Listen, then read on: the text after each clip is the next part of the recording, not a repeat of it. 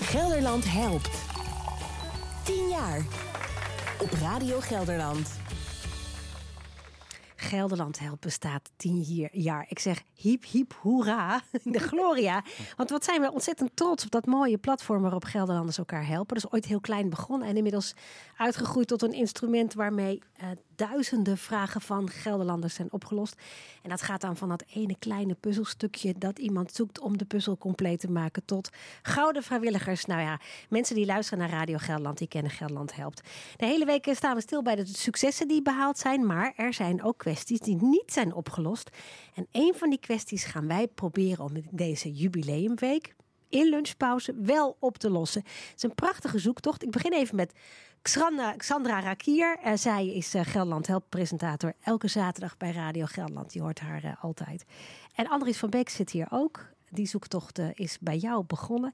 Bij wie, zal ik, wie van jullie twee zal ik beginnen? Dames voor. Dames voor, Dames Sandra. Voor, ja. Er is eerder geprobeerd hier iets mee te doen, maar niet gelukt. Klopt, ja. ja. Nee, het gaat om een uh, vraag waar we echt de denkkracht van heel Gelderland nodig hebben. Dus vandaar dat we daar een week voor uittrekken in onze jubileumweek. Het is een vraag uh, ja, die gaat over uh, een persoon, een soldaat uit de streken beneden Leeuwen, Maas en Waal. En ja, Andries zal het zo over vertellen. Die is in het bezit, in het waardevolle bezit van een correspondentie van deze soldaat met een ballerina. En die correspondentie heeft plaatsgevonden in de oorlog. Ja, hij is per toeval bij Andries terechtgekomen. Andries ja, is balletliefhebber liefhebber. En het is een correspondentie die eigenlijk niet helemaal in een balletverzameling past. Dus we zoeken deze week nabestaanden of mensen hè, die direct verband zijn, verbonden zijn met deze soldaat. Zodat ja, de brieven de juiste bestemming gaan krijgen. Ja, vertel eens iets over die brief, Andries. Ja, nou, ik ben een uh, balletverzamelaar. Dus alles wat het leven een beetje draaglijk maakt, uh, ja, dat uh, verzamel ik. liefde, hartstocht, beweging, et cetera. En uh, voor mijn archief reis ik het hele land door en word ik benaderd door iedereen. En door diverse mensen uit diverse plaatsen, nou, enzovoort. En zo kwam ik in Amsterdam terecht bij de erfgename van Margot van Wilgenburg. Een ballerina, een hele goede ballerina in, in, in haar tijd. En in dat archief kwam ik dus deze correspondentie tegen. Haar jeugdliefde, een uh, stoere militair uit de Tweede Wereldoorlog, Wim van den Akker genaamd. En uh, het is een hartstochtelijke romance. Oh ja. Tussen een knappe ballerina en een ontzettende stoere militair. Dus dat prikkelt de fantasie. En toen ik die brieven ging lezen, toen ontroerde het mij. En deze man was ook een zeer bijzondere man. En toen dacht ik, hé, hey, ja, dit kan ik niet zo weggooien. Hier moet ik wat mee doen. En hoe leuk zou het zijn als ik deze brief kan bezorgen aan de nabestaanden van deze... Van een van die twee natuurlijk. Nou, aan, aan, aan uh, zeg maar aan Wim. Het, het, uh, ja, de nabestaande van die militair. Het is ook... Uh, ja, zeg maar, het komt zeg maar, ja, bij Margot weg. Ja, ja. Wat mooi. We, we, hebben het over de oorlogsjaren. Ja. Hoe oud waren ze toen allebei? Nou, ze waren toen ongeveer uh, 22 tot, nou, dan begint de oorlog tot 27. Wat voor die tijd dus uh, niet echt heel erg jong was. Dus ja. toch wel, ik noem het nog jeugdliefde, maar kun je over discussiëren. Ja, ja, dat maakt verder niet uit, dus maar we weten ongeveer welke leeftijdscategorie ja. we zoeken. En dan beginnen die brieven ergens, maar ze houden ook weer ergens op. Ja, Waar houden... stap je eruit? Uh, ik uh, stap eruit uh, net na de bevrijding, de Nederlandse bevrijding. Dat komt omdat deze man, die heeft onder andere gevochten als stoottroeper. En daarna heeft hij zich aangemeld als Engelandvader. En bij de Engelsen, ja, de RAF moet ik zeggen. En daarvoor is hij nog na de, na de oorlog die hier in Nederland was afgelopen, Europa ingegaan. Waar weet ik helaas niet. Nee. Maar uh, ja, uh, Nederland, Indië is een mogelijkheid, Canada.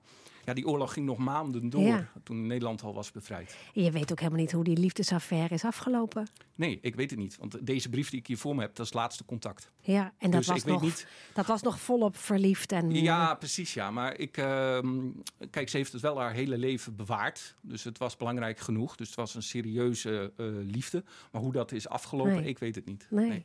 Maar deze beschrijving die jij nu geeft, hè, van die Wim van der Akker, afkomstig mogelijk uit beneden Leeuw of omgeving. Mm -hmm. En zoals het is gelopen met zijn werk en met zijn liefde, zal voor luisteraars, die mogelijk een naam van de Akker al iets zegt, ja. hè, zal al een belletje doen rinkelen van hé, hey, een van de Akker, stoottroeper, ja. de oorlog, uh, het gebied waar wij wonen. Als het al kapstokken zijn waarvan je zegt, ik heb daar iets over te melden, Dan wil ik eigenlijk al meteen gelderlandhelp.nl zeggen. Want daar staat een artikel over dit verhaal wat Andries nu vertelt. Mhm. En daar mag je eigenlijk al gewoon je suggesties of je ideeën over kwijt. En ieder klein stukje kan Ja. hè, mogelijk een weggetje zijn naar Zullen we het nabestaanden. even heel goed op een rijtje zetten? Wat weten we precies van hem? Hij heet Wim van der Akker. Ja, Wim Hij van woonde in Beneden Leeuwen. omgeving waarschijnlijk. Omgeving. Ja, Nog even op een rijtje. Hij was in de oorlogsjaren. nou ja, stoottroeper, stoottroeper. Geweest. En daarna is hij Engelandvaarder geworden. Ja. En eh, heeft hij bij de RAF gezeten. En dat is dus eh, piloot of werken in een vliegtuig. Ja. Hij was in Dus- de oorlogsjaren eh, begin twintig. Ja, beginde. En het was echt een hele stoere man.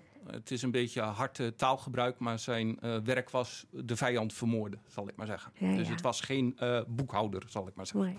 Mooi. Is het een, zo'n naam van de Akker die veel voorkomt in die omgeving? Ontzettend Oh, veel, dat helaas. maakt het natuurlijk ontzettend Ja, moeilijk. En ook de verbastering. Hij noemt zichzelf Van den Akker. ja. Maar wie weet is het Van de Akker. Ook dat durf ik niet met zekerheid te zeggen. Ik vind het een ongelooflijk spannende zoektocht... waarvan ik heel erg hoop dat we hem kunnen gaan, eh, gaan oplossen... zodat die brieven op een goede plek eh, terechtkomen. Wees een stukje laten horen, want eh, ik ben ook wel benieuwd naar de toon van die brieven. Ja, inderdaad. Ik zal de intieme details een beetje achterwege laten. Ik doe gewoon een net stukje. Voorlopig zullen we hier in Engeland blijven. Onze training, eh, van onze training. Misschien dat we daarna naar Canada gaan, maar dat is niet zeker. Uiteindelijk komen we in Indië terecht. De oorlog zal dan wel over zijn daar. Jammer, want ik had de Jappen graag nog eens op de huid gezeten, zoals ik dat bij de stootroepers heb geleerd. En fijn, we hebben ons best gedaan. Greetje, ik hoop je in de toekomst nog eens te zien en toch minstens iets wat van je te kunnen horen. De allerbeste wensen van je vriend Wim. Ja, wat mooi. Ja. Maar er zaten dus ook stukjes bij wat sappiger waren, zeg maar. Wat sappiger en soms ook wel wat schokkender of privé details. Maar mensen die eh, hun hebben goed gekend, die weten dat. Denk ik. Ja, ja, ja. Nou, die Wim van der Akker, wie kent hem? Wie weet? Ja, nabestaanden.